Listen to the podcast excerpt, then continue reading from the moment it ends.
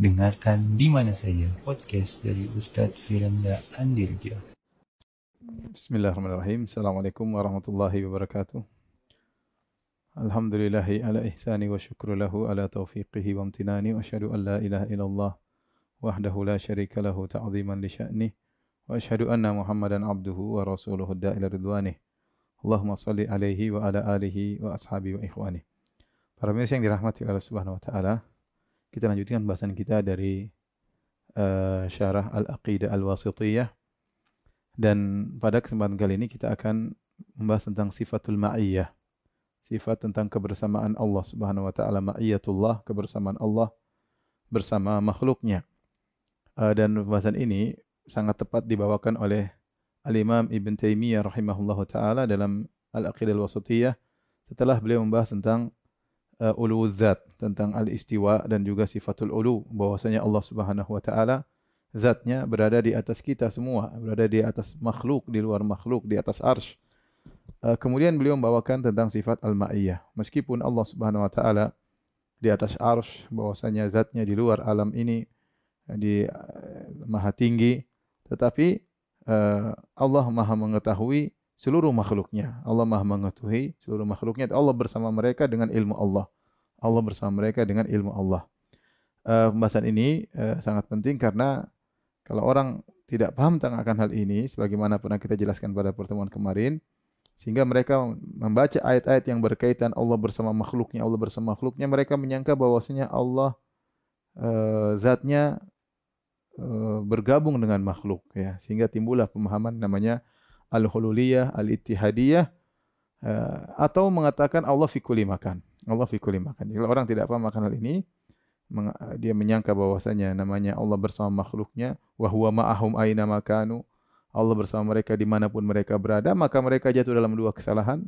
Kalau tidak terjerumus dalam pemahaman Ibnu Arabi meyakini Allah bersatu dengan makhluknya, Allah ya makhluk, makhluk ya Allah, atau pemahaman Al-Jahmiyah, Al-Muta'abbidah yang mengatakan Allahu fi kulli makan. Allah di mana saja yang ini dibantah oleh Imam Ahmad rahimahullah dalam kitabnya Ar-Rad al-Jahmiyah wa Zanadiqah.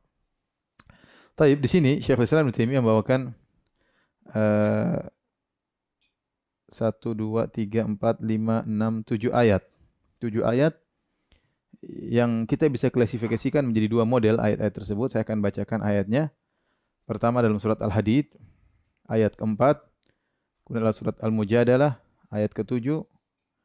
Kemudian surat Taubah ayat 40. Kemudian surat Toha ayat 46. Kemudian surat An-Nahl ayat 128 surat Al-Anfal ayat 46 dan terakhir surat Al-Baqarah ayat 249. Ya. Uh, saya akan tuliskan ayat-ayat tersebut ya. Uh, sifat ma'iyah, ma'iyatullah. Maksudnya itu apa? Kebersamaan Allah. Kebersamaan Allah dengan makhluknya. Jadi dari kata ma'a, dari kata apa? Ma'a. Ma'a. Yang arti bahasa Arab artinya bersama. Baik. Uh, ayat-ayat yang dibawakan oleh Syekh Islam Taimiyah, ayat-ayat yang yang di yang datang dalam Al-Qur'an ada lafal ma'anya, ada lafal ma'anya ya bisa diklasifikasikan menjadi dua. Ya, yang pertama dan yang kedua. Taib. Yang pertama seperti uh, firman Allah Subhanahu wa taala, la tahzan innallaha ma'ana. Pertama, la tahzan innallaha ma'ana. Yaitu perkataan Rasulullah SAW kepada Abu Bakar, jangan kau bersedih. Sesungguhnya Allah bersama kita. Allah bersama kita.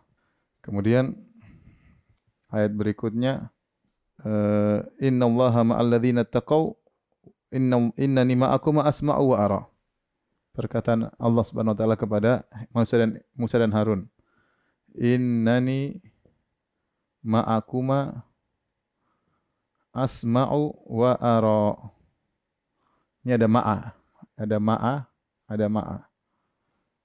Yang artinya yang hitam. Uh, sungguhnya aku bersama kalian berdua. Bersama kalian berdua. Aku bersama kalian berdua. Berdua, ya. Aku melihat aku mendengar dan aku melihat dan melihat. Kemudian juga firman Allah selanjutnya, Inna inna Allah hum muhsinun. Inna Allah ma'alladzina taqaw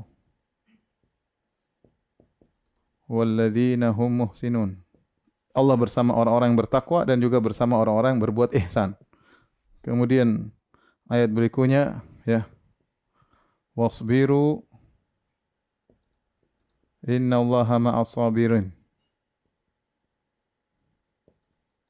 bersabarlah sungguhnya Allah bersama orang-orang yang bersabar kemudian ayat terakhir surat al-baqarah kam min fi'atin qalilatin ghalabat fi'atan katsiratan biiznillah ya kam min fi'atin qalilatin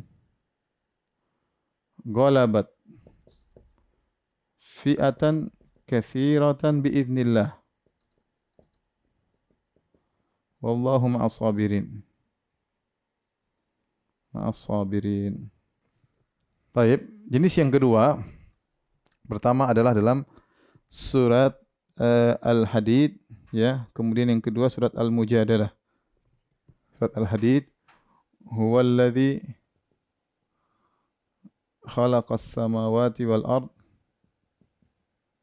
fi sittati ayyam thumma istawa 'alal 'arsy يعلم ما يلج في الأرض وما يخرج منها وما ينزل من السماء وما يأرج فيها وهو معكم أينما كنتم. والله بما تعملون بصير. Perhatikan sini, saya bacakan terjemahannya. Dialah Allah, huwallazi yang telah menciptakan langit dan bumi dalam waktu enam hari. Summa stawa al arsh. Kemudian Allah beristiwa di atas arsh. Allah beristiwa di atas arsh.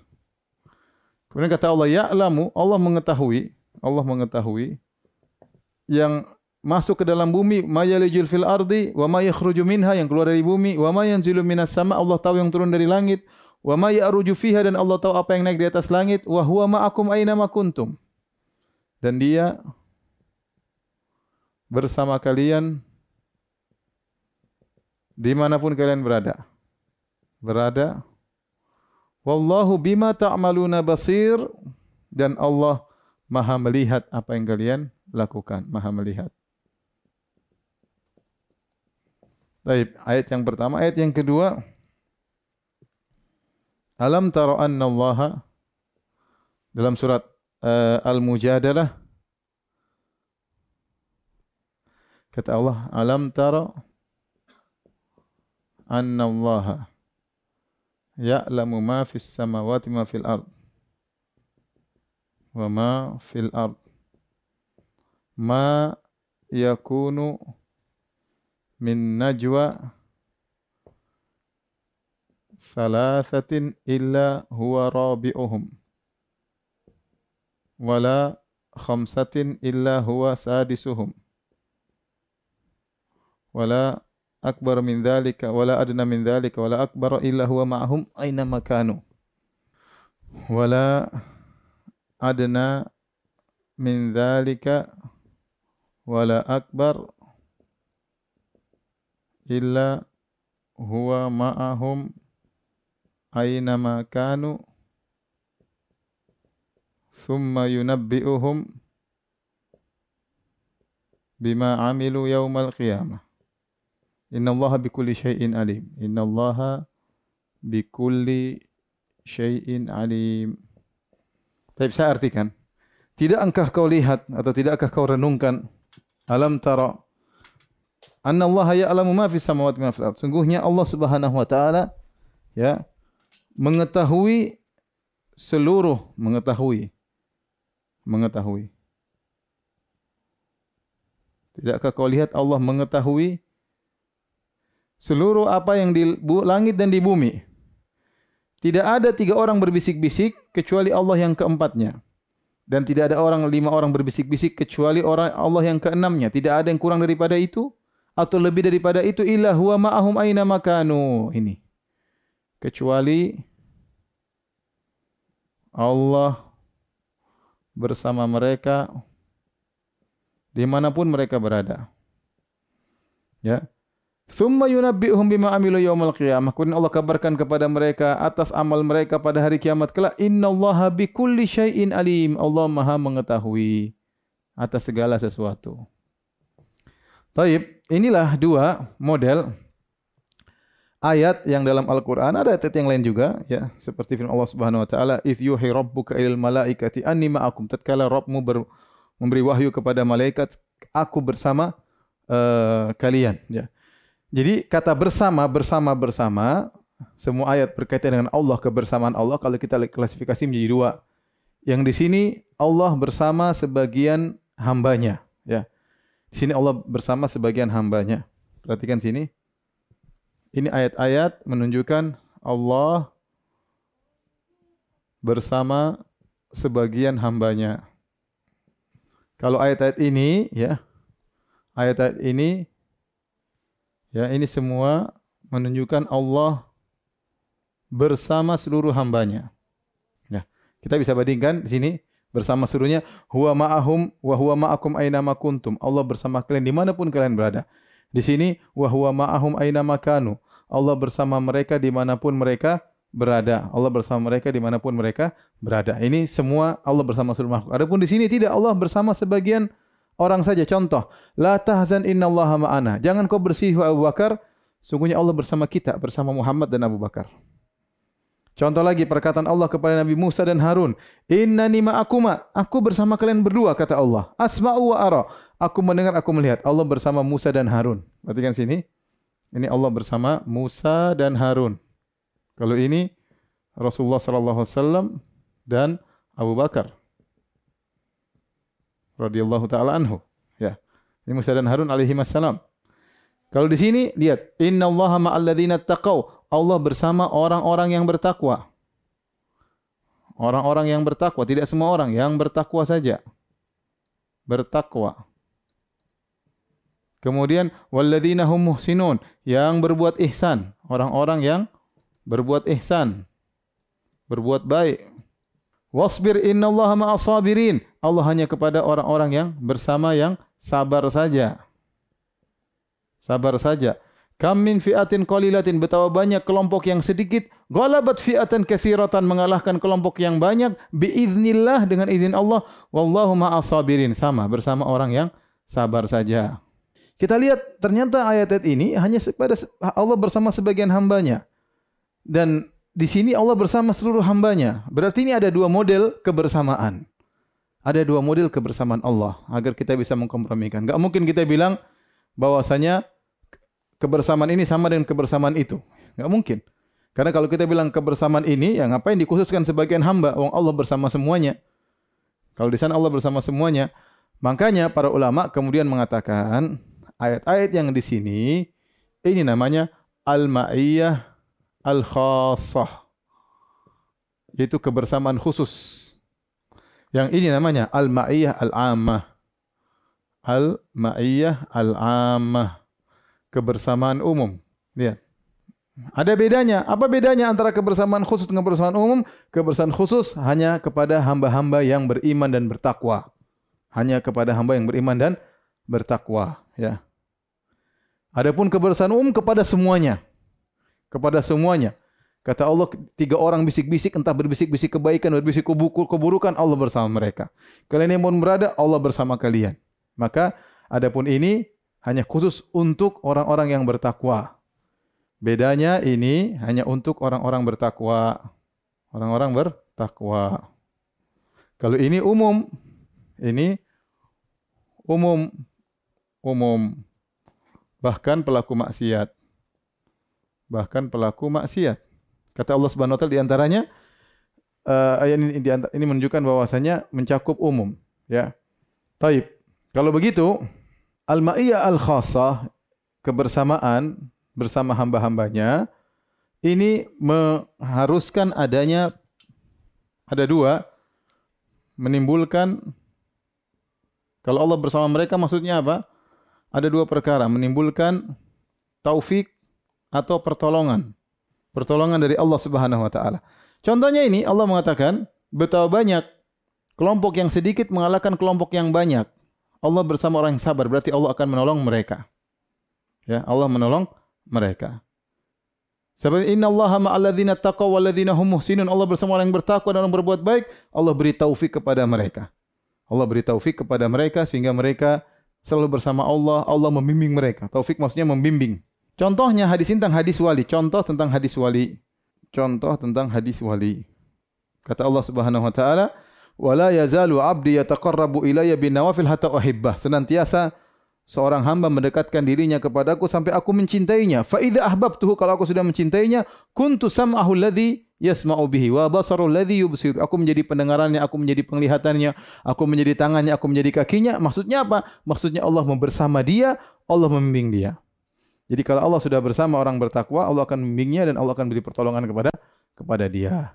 Inilah dua kebersamaan yang dua kebersamaan ini para pemirsa yang dirahmati Allah Subhanahu wa taala bukan berarti zat Allah bersatu dengan dia.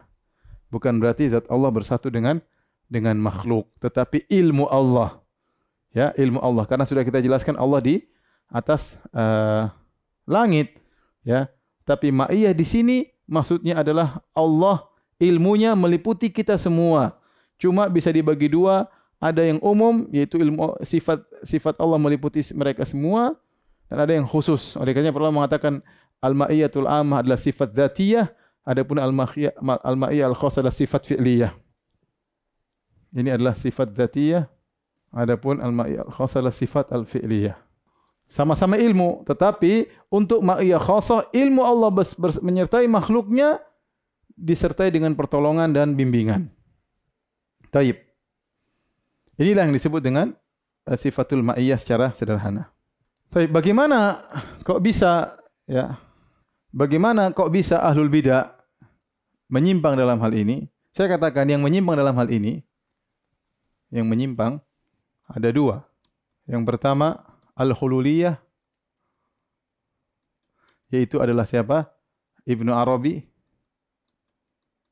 Mereka memahami kebersamaan Allah berarti di mana dia memahami kebersamaan Allah, ma'iyatullah bersama makhluknya, bersama dengan uh, Allah bersatu. Bersatu dengan makhluknya. Yang kedua, seperti perkataan Al-Jahmiyah Al-Muta'abbidah. Yang mereka salah paham tentang sifat ma'iyah, kata mereka Allah di semua tempat fikul makan. Kata mereka, lah iya, Allah di mana-mana. Allah di mana di mana pun kalian berada berarti Allah di semua tempat. Ini dua-dua sesat dalam hal ini. Bagaimana cara kita membantah mereka? Bantahannya banyak. Ya, bantahannya banyak di antaranya bahwasanya ya kalau bahasa Arab al-ma'iyah la taqtadi al-mukhalatah wal mumazajah wal mumazajah yaitu kebersamaan tidak melazimkan tidak melazimkan percampuran. Ya, tidak secara bahasa tidak melazimkan percampuran. Ini secara bahasa. Ya, secara kalau bahasa kita secara etimologi, namanya kebersamaan tidak harus bercampur. Bahasa Arab maupun bahasa Indonesia. Bahasa Arab maupun Indonesia. Coba kita akan lihat bahasa Arab. Al-ma'iyah kebersamaan bisa jadi dua, bisa jadi fil makna pada makna. Contoh Allah berfirman, contoh Allah berfirman, wa kunu sadiqin. Ya ayyuhalladzina amanu taqullaha wa kunu ma'as sadiqin. Wa kunu sadiqin. Wahai orang yang beriman, bertakwalah kepada Allah dan jadi kalian bersama orang-orang yang jujur. Bukan maksudnya harus ngumpul bersama mereka, tapi bersifatlah jujur seperti mereka. Itu maksudnya. Bersifatlah jujur bersama seperti mereka. Jadi kebersamaan dalam makna, kebersamaan dalam dalam makna. Ini mudah contohnya lagi di antara doa orang beriman wa tawaffana ma'al abrar. Ya Allah wafatkan kami bersama orang-orang yang baik. Bukan berarti mati satu dikubur bareng-bareng, tetapi wafatkanlah kami seperti mereka yang memiliki sifat-sifat albir. Ini namanya kebersamaan dalam ana, bukan bukan zat, tapi makna. Sama seperti kita mengatakan orang munafik sama orang kafir sama. Sama apanya? Maknanya sama, sama-sama kufur kepada Allah, sama-sama kurang ajar. Bukan berarti badan mereka sama. Jadi namanya sama tidak harus bergabung, tidak harus. Yang kedua fizat. Fizat pada pada zat. Pada zat maka ini juga ada dua kemungkinan. Terkadang bercampur, terkadang tidak bercampur. Bercampur contohnya yang kita bilang, saya dan dia jalan bareng misalnya. Misalnya bahasa uh, bahasa Indonesia, saya dan dia jalan bersama.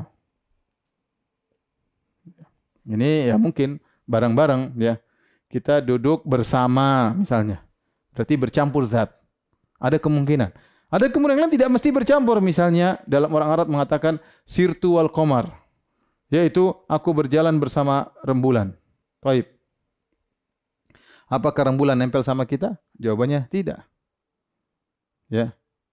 Tidak ya. Aku bersamamu. Jangan khawatir aku bersama sih. Aku tolong kamu kadang. Kau tidak usah khawatir aku bersamamu. Maksudnya apa? Aku akan tolong engkau, ya. Aku akan tolong engkau, ya. Kita bareng-bareng berjuang, ya. Maksudnya seperti itu contoh. Jadi tidak harus bahwasanya kalau kita bilang bersama berarti harus campur badan. Nah, kenapa mereka ini tatkala menafsirkan kebersamaan kenapa harus milih yang ini saja? Kenapa harus ini saja yang dipilih? Bukankah ada kemungkinan ini, bukan ada kemungkinan ini? Ya. Maksud saya namanya bersama itu tidak harus apa? Tidak harus bersatu badannya, tidak harus bersatu badannya, ya. Tidak harus ya. Saya bersama dia di kota Jakarta misalnya, bukan berarti saya harus dekat sama dia, tidak harus. Saya, tapi saya kita sama-sama di Jakarta. Badan saya sama badan dia sama-sama di Jakarta. Tapi bukan berarti harus nempel. Tidak harus nempel ya. Jadi uh, ma'iyah yang benar, ma'iyah Allah di sini bukanlah maknanya harus bercampur dengan makhluk. Allah bersama hamba ya bisa jadi dengan ilmunya, bisa jadi dengan dengan pertolongannya. Taib. Mereka yang mengatakan Allah bersatu dengan makhluknya, mereka berdalil dengan dua ayat ini. Dengan dua ayat ini. Perhatikan, apa dalil mereka? Wa huwa ma'akum aina ma kuntum. Allah bersama kalian di mana pun kalian berada. Ini sudah saya bahas pada pertemuan yang lalu. Bantahannya mudah. Ayat ini bukan berkaitan dengan zat Allah gabung. Buktinya apa? Allah sedang berbicara tentang ilmu. Perhatikan, Allah buka lihat ayatnya ya. Huwa huwa alladhi khalaqa samawati wal ardi fi sittati ayyam. Allah yang telah menciptakan langit dan bumi dalam waktu enam masa. Tsumma stawa 'alal arsy. Allah beristiwa di atas di atas berarti. Setelah Allah mengatakan ya'lamu mengetahui. Di sini sifat ilmu, ilmu yang bersama mereka. Ya'lamu ma yaliju fil ardi. Allah mengetahui apa yang masuk ke bumi, wa ma yakhruju minha yang keluar dari bumi. Wa ma yanzilu sama yang turun dari langit, wa ma ya'ruju fiha yang naik ke langit, wa huwa ma'akum aina kuntum. Allah bersama kalian di mana kalian berada, maksudnya ilmu Allah ini. Allah tutup lagi. Wallahu bima ta'maluna basir. Allah Maha melihat apa yang kalian lakukan. Sudah. Ilmu dan penglihatan. Jadi kebersamaan sini bukan kebersamaan zat tapi kebersamaan ilmu dan apa? Penglihatan. Ya, Allah di atas Allah melihat kita apa yang kita lakukan semua. Allah bersama kita. Kenapa Allah melihat semua perbuatan kita? Allah bersama kita karena Allah mengetahui semua perbuatan kita. Taib, ini bantahan pertama, ya. Bantahan kedua, bantahan kedua, Nah, kalau kamu mengatakan bahwasanya Allah di mana-mana, Allah bersatu dengan makhluknya, ngapain Allah bilang begini? Innani ma'akum, aku bersama kalian berdua. Apa faedahnya ya Allah? Engkau bersama semuanya. Paham? Kalau kita memaknakan ma'i adalah selalu ber- Allah bersatu dengan seluruh makhluk atau Allah di mana-mana, kalau gitu buat apa Allah mengatakan aku bersama kalian berdua? Kenapa Allah mengkhususkan kalian berdua? Allah di mana-mana semua sama. Sama. La tahzan inallah ma'ana kata Nabi, jangan khawatir Allah bersama kita. Jangan khawatir Allah bersama kita. Buat apa Nabi ngomong begini? Jadi apa ceritanya kisah ini? Kisahnya Nabi dan Abu Bakar radhiyallahu taala anhu sedang berhijrah dari Mekah menuju Madinah.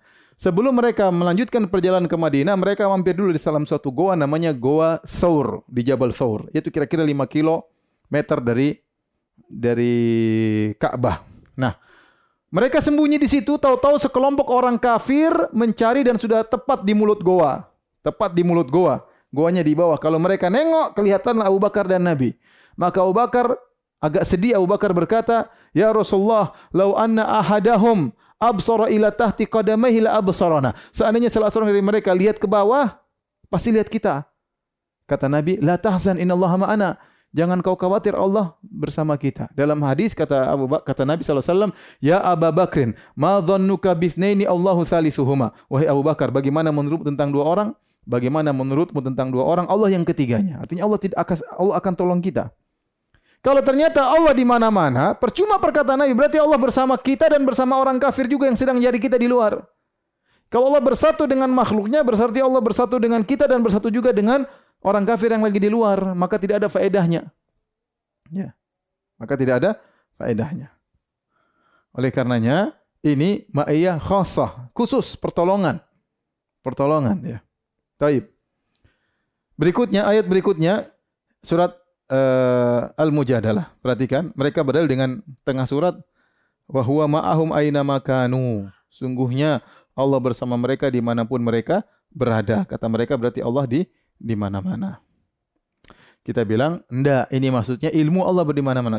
Dalilnya apa? Lihat awal, awal ayat. Alam taro Allah ya'lam. Tidakkah kau renungkan bahwasanya Allah mengetahui. Ma fis samawati ma fil Allah mengetahui yang di langit dan di bumi.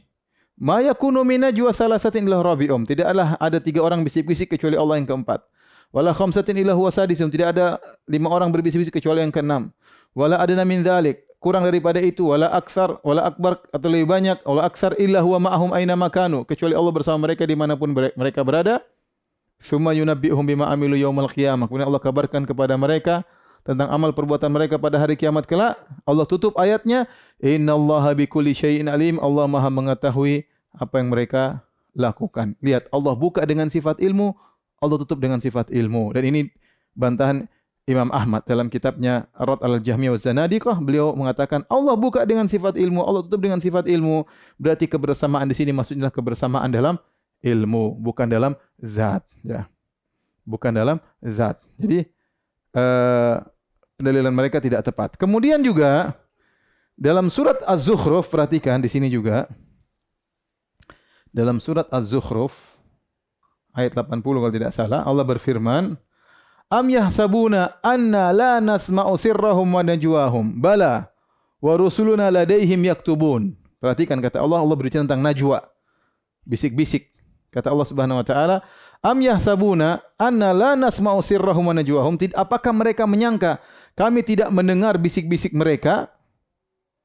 Tatkala mereka sedang berbisik-bisik, bala justru kami mendengar wa rusuluna ladaihim yaktubun. Malaikat-malaikat kami berada di sisi mereka sedang mencatat. Ini menguatkan bahwasanya kebersamaan itu adalah kebersamaan ilmu.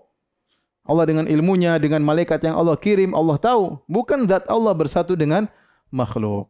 Bukan zat Allah bersatu dengan makhluk. Taib ini uh, yang berkaitan dengan sifat ilmu saya rasa sudah cukup. Habis ini kita akan bahas sebagian syubhat-syubhat yang berkaitan dengan hal ini. Kalau sudah tolong dihapus. Taib kita akan bahas syubhat-syubhat berkaitan dengan hal ini. Syubhat-syubhat. Yang pertama, mereka berdalil dengan uh, firman Allah Subhanahu wa taala dalam surat Qaf ayat ke-16 ya. Surat Qaf yaitu firman Allah Subhanahu wa taala wa nahnu aqrabu ilaihi min hablil warid. Ya artinya dan kami, sini dan kami, kami lebih dekat darinya kepadanya dari urat nadinya. Uh, mereka mengatakan ini dalil bahwasanya Allah di mana-mana Allah bersatu dengan makhluknya. Allah bersatu dengan makhluknya. Karena Allah lebih dekat daripada urat urat nadi. Bantahan Pertama, yang dimaksud dengan kami adalah malaikat. Dimaksud dalam ayat ini dengan kami dalam ayat ini adalah malaikat.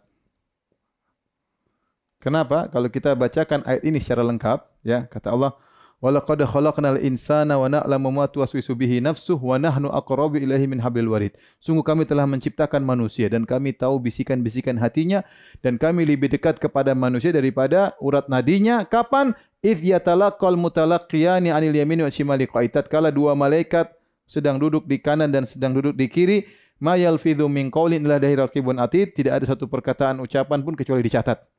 Jadi ternyata Allah menjelaskan dan kami lebih dekat kepada dia daripada urat nadinya. Kapan?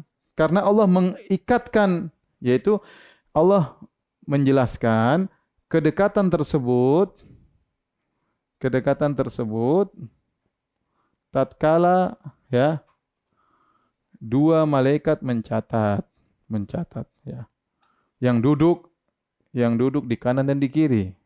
Kalau seandainya maksudnya Allah di mana-mana atau Allah bersatu dengan makhluknya, berarti kedekatan tersebut mutlak. Bukan hanya tatkala malaikat sedang duduk kanan dan kiri. Ya ini menunjukkan bahwasanya yang dimaksud dengan kami adalah malaikat itu sendiri yang kanan dan kiri dan sering dalam Al-Qur'an Allah mengatakan kami maksudnya adalah malaikat. Allah mengatakan kami maksudnya malaikat. Contohnya firman Allah Subhanahu wa taala uh, wa idza qara'nahu fattabi' qur'ana. Dalam surat Al-Qiyamah kata Allah Fa idza qara'nahu kalau kami bacakan Al-Qur'an, fattabi' Qur'ana, ikutilah bacaannya. Siapa yang bacakan? Jibril yang baca. Jibril yang baca. Tapi Allah mengatakan kalau kami bacakan, padahal yang bacakan adalah Jibril, nabi yang sedang mengikuti Jibril. Jadi kadang malaikat Allah mengatakan kami. Kemudian bantahan yang kedua, kalau Allah di mana-mana, Allah di mana-mana, di mana-mana, atau atau bersatu dengan makhluknya makhluknya maka tidak perlu tidak perlu ada kata lebih dekat. Tidak perlu ada kata lebih dekat. Kenapa? Karena kedekatan Allah kepada semuanya semuanya sama sama karena dia di mana-mana. Ini logika saja ya. Kalau Allah di mana-mana enggak perlu bilang lebih dekat lagi karena Allah di mana-mana sudah kedekatannya mana sama saja tidak ada tidak ada kata lebih dekat. Ya, ini bantahan. Taib ayat yang kedua mereka berdalil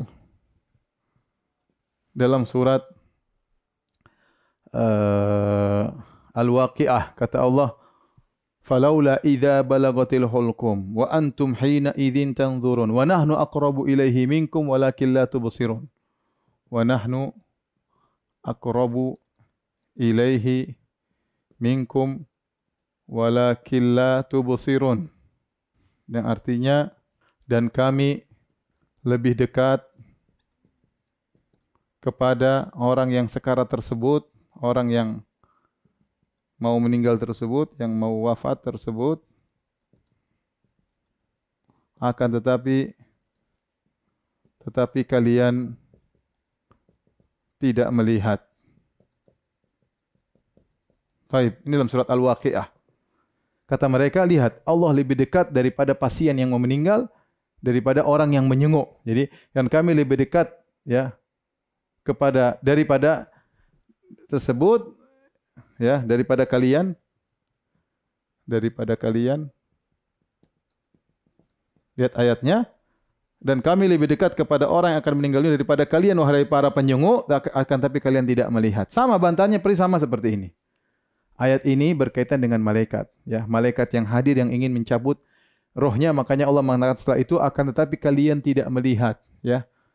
Karena malaikat mungkin dilihat tetapi saat itu kalian tidak bisa melihat kami yaitu para malaikat. Yang kedua, kalau Allah di mana-mana maka tidak perlu pakai kata lebih dekat. Akrobu itu enggak ada lebih dekat karena kalau di mana-mana semua dekatnya sama maka tidak perlu kata lebih dekat. Ini logika saja, tidak perlu kata lebih dekat. Taib. Berikutnya kita bahas tentang ya ini syubhat-syubhat tentang sifat ma'iyah. Sifat ma'iyah, ma'iyatullah. Berikutnya ya. Kita lanjutkan syubhat-syubhat tentang ulullah. Tentang ketinggian Allah yang sebagiannya belum kita bahas ya pada pertemuan lalu. Di antara syubhat mereka ya, mereka mengatakan bumi itu bulat. Maka kalau kalau Allah Allah di atas langit berarti kita boleh boleh berdoa ke arah bawah. Ini syubhat mereka. Kata mereka, bumi kan bulat dan langit mengelilingi bumi. Berarti kalau kita berdoa begini, kan ke langit. Ya sama aja kalau kita berdoa begini kan tembus ke langit juga. Kalau tembus bumi nanti juga ke ke langit juga. Istilahnya bumi itu bulat, ya. Langit meliputi apa? Meliputi bumi. Ya. Jadi kalau kita berdoa begini, ya sama saja kita berdoa begini, toh ke arah langit juga. Ya bukankah kalau Indonesia di atas misalnya berdoa ke atas, orang Amerika doanya ke bawah, ke langit juga. Kalau gitu kita begini, gini sama saja. Kenapa kita semua ke atas tidak ada yang ke bawah? Gimana bantahannya? Kita bilang memang bumi itu bulat, tetapi Allah tingginya tinggi yang mutlak. Tinggi mutlak itu ke mana? Ke arah atas. Satu dunia semua sepakat. Namanya mutlak tinggi itu ke arah atas. Makanya semua sepakat kalau berbicara ketinggian gunung itu di atas permukaan laut. Ya. Semua. Ya. Karena jadi patokan tinggi adalah permukaan laut. Tinggi itu ke arah luar. Ke arah luar. Ke arah luar.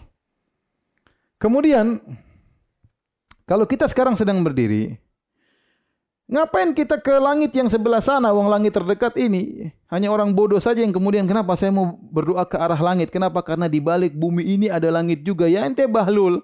Langit dekat sini yang ke arah yang terdekat aja. Ngapain ente ke langit yang di bawah sana? Ya, enggak ada ya. Ya cukup kita ke arah sini karena langit kita di sini. Yang di sana langitnya sana ya biarin dia menghadap ke langit sana. Yang di sana biarin langitnya menghadap ke sana langit sana. Ya terserah. Tapi kita dekat langitnya di sini, kita ke arah atas karena namanya tinggi itu ke arah luar. Ini disepakati. Ya. Kalau tinggi uh, yang apa namanya? Yang tidak ke arah luar itu relatif, tapi tinggi ke arah luar itu adalah yang absolut tingginya ke arah luar. Makanya semua orang sepakat semakin ke atas semakin tinggi. Ya. Dan kita bilang langit bulat dan Allah bumi ini sangat kecil, langit sangat kecil. Mau arah ke mana pun di luar alam ada Allah Subhanahu wa Ta'ala. Mau dia di langit sebelah sini, mau langit sebelah sini, di mana pun ada Allah. Cuma orang arah ke terdekatnya, langitnya sebelah sini, maka dia berdoa ke arah langit yang terdekat. Tidak perlu dia menembus bumi ke bawah. Baik, syubhat berikutnya. Mereka mengatakan, ya, kalau Allah di atas, ngapain Nabi Musa ke Bukit Tursina untuk ketemu Allah. Padahal di Bukit Tursina tidak ada Allah. Demikian juga ketika Nabi Isra Mi'raj, ketika Nabi Mi'raj di atas juga tidak ada Allah. Saya heran dengan dalil ini ya. Kata mereka, kalau bilang Nabi Muhammad SAW ke Mi'raj ketemu Allah, bilang aja Nabi Musa ke ke mana? Ke Bukit Tursina juga ketemu Allah. Apakah ada Allah di situ? Kan tidak ada. Berarti Nabi Muhammad waktu ke langit juga tidak ada Allah.